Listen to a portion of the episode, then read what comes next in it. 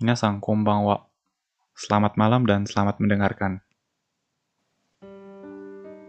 Kalian tahu nggak sih kalau ada yang namanya tes spiritual atau tes indera keenam yang intinya itu buat ngetes apakah kita bisa ngelihat atau enggak.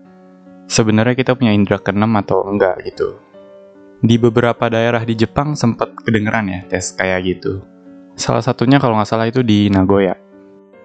Tesnya itu kayak gini.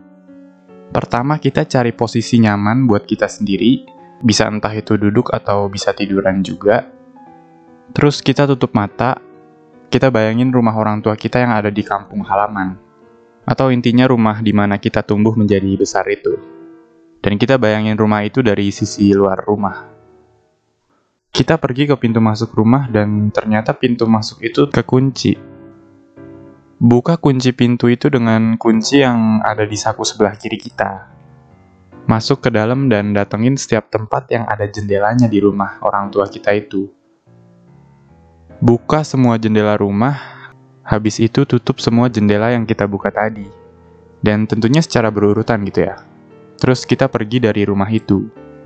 Tapi setelah pergi, kita jangan lupa buat kunci pintu depan rumah yang kita tinggalin itu. Nah, di sepanjang proses itu, kalau dirasa ada sesuatu yang janggal, misalnya berpapasan dengan seseorang atau mungkin melihat bayangan sekelibat gitu ya, itu berarti kita punya kemampuan ngelihatnya itu. Dan gambaran tesnya itu kayak gitu kira-kira. Ada seorang gadis sekolahan yang dia baru dengar cerita tentang tes spiritual itu dari teman sekolahnya dia. Pulang ke rumah, dia langsung coba tes itu. Dia penasaran gitu kan. Dia ambil posisi tiduran di atas kasur kamarnya dia, dia pejamin kedua matanya dia, dia bayangin rumah di kampung halamannya yang ada di daerah Shikoku pergi ke pintu depan, buka kunci pakai kunci yang ada di saku kirinya dia, masuk ke rumah, cari semua jendela, dia buka satu-satu. Selesai buka semua jendela, dia tutup lagi jendela yang kebuka itu satu-satu. Dan selesai dia tutup, dia balik ke arah pintu depan.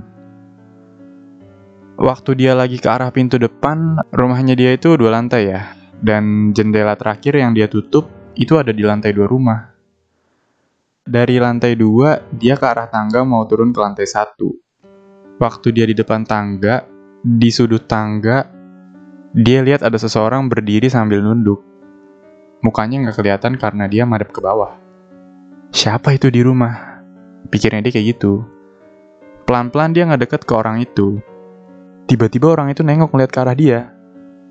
Dia itu laki-laki yang mungkin 50-an dan udah pucet itu ngeliatin ke arah dia sambil kedua tangannya itu megangin bahunya dia.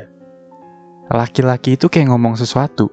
Dia panik di situ. Dia nggak dia dia nggak ada sempat buat dengerin omongan laki-laki itu. Dia ngelepasin diri terus dia langsung lari ke pintu depan. Dia tutup dan dia kunci. Selesai tes dia langsung buka mata. Agak keringetan dikit dia karena panik. Itu itu tadi siapa? Pikirnya dia kayak gitu.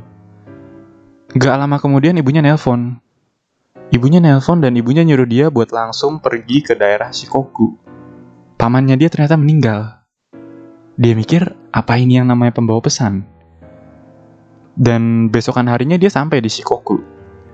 Dia hadir di acara pemakaman pamannya dia itu. Dan dibilang paman juga termasuk saudara jauh yang ketemunya cuma sekali gitu waktu dia masih kecil.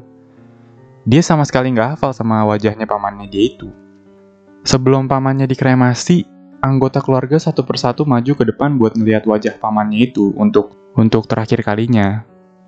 Waktu dilihat, sekilas wajah pamannya itu mirip sama orang yang muncul di pikiran dia kemarin. Kulit wajahnya yang putih, rahang yang kaku, dan di bawah kantung mata kirinya ada semacam goresan kecil. Dan dia lihat wajah pamannya itu untuk yang terakhir kalinya. Terus dia mundur ke belakang gantian dengan anggota keluarga yang lainnya itu. Acara pemakaman selesai. Dia udah balik ke Nagoya karena waktu itu dia masih sekolah ya, masih kuliah. Dan masih waktu-waktu belajar, bukan musim libur panjang gitu. Sampai di rumah, dia istirahat ngerbahin badannya dia di kasur. Dan tiba-tiba dia ketindihan. Dia nggak mikir apa-apa, tapi tiba-tiba bayangan rumah di kampung halaman itu muncul. Gawat ini di luar kontrolnya dia dan dia masuk ke dalam pikiran tes spiritual itu lagi. Dia udah di depan pintu masuk, dia udah ngebuka kunci dan dan gawat ini kalau ini diterusin terus di dalam sana ada pamannya dia kemarin yang udah meninggal itu. Dia nggak bisa ngontrol pikirannya dia dan dia udah ngebukain semua jendela. Dia sekarang lagi nutupin jendela itu lagi dan dia mau balik ke lantai satu. Dia mau ngelewatin tangga buat turun yang kemarin itu ada pamannya itu berdiri di situ. Gimana nih? Pasti di sudut tangga itu ada paman itu lagi. Dan baru aja dia sampai di depan anak tangga, paman itu udah muncul sambil nyengkram pergelangan kakinya si perempuan ini. Dia ngeliatin ke arah dia sambil bilang sesuatu. Dan perempuan ini berusaha tenang. Seenggaknya dia udah tahu, dia udah tahu kalau itu pamannya dan tujuan pamannya mungkin buat ketemu sama dia untuk terakhir kalinya gitu. Dan setenang mungkin dia ngejelasin itu ke pamannya. Kayak paman tuh udah nggak ada dan paman bisa pulang ke alam sana dengan tenang Intinya dia ngejelasin supaya pamannya itu ngelepasin dia. Tapi diperhatiin lagi, sekilas wajahnya emang mirip sama pamannya. Tapi bukan, itu itu bukan pamannya. Seenggaknya itu bukan pamannya dia yang asli. Goresan kecil di bawah mata kirinya tuh nggak ada. Ini siapa? Dan waktu itu dia ingat ada cara cepat untuk keluar dari tes itu kalau dia ngerasa dalam keadaan membahayakan yaitu caranya dengan membenturkan kepalanya dia sendiri ke tembok rumah. Dan dia lakuin itu, dia kebangun. Baru aja kebangun di depan matanya, dia yang tadi itu ada. Dia ada di situ ngeliatin ke arahnya dia. Dia udah bukan dalam bentuk wujud pamannya lagi. Dia itu cuman senyum lebar dan pergi dari kamarnya perempuan ini.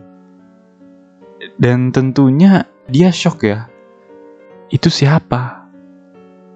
Satu lagi, dengan ngelakuin hal tadi berarti dia lupa kalau dia belum nutup pintu depan rumah. Dan dia rasa itu adalah kesalahan yang fatal.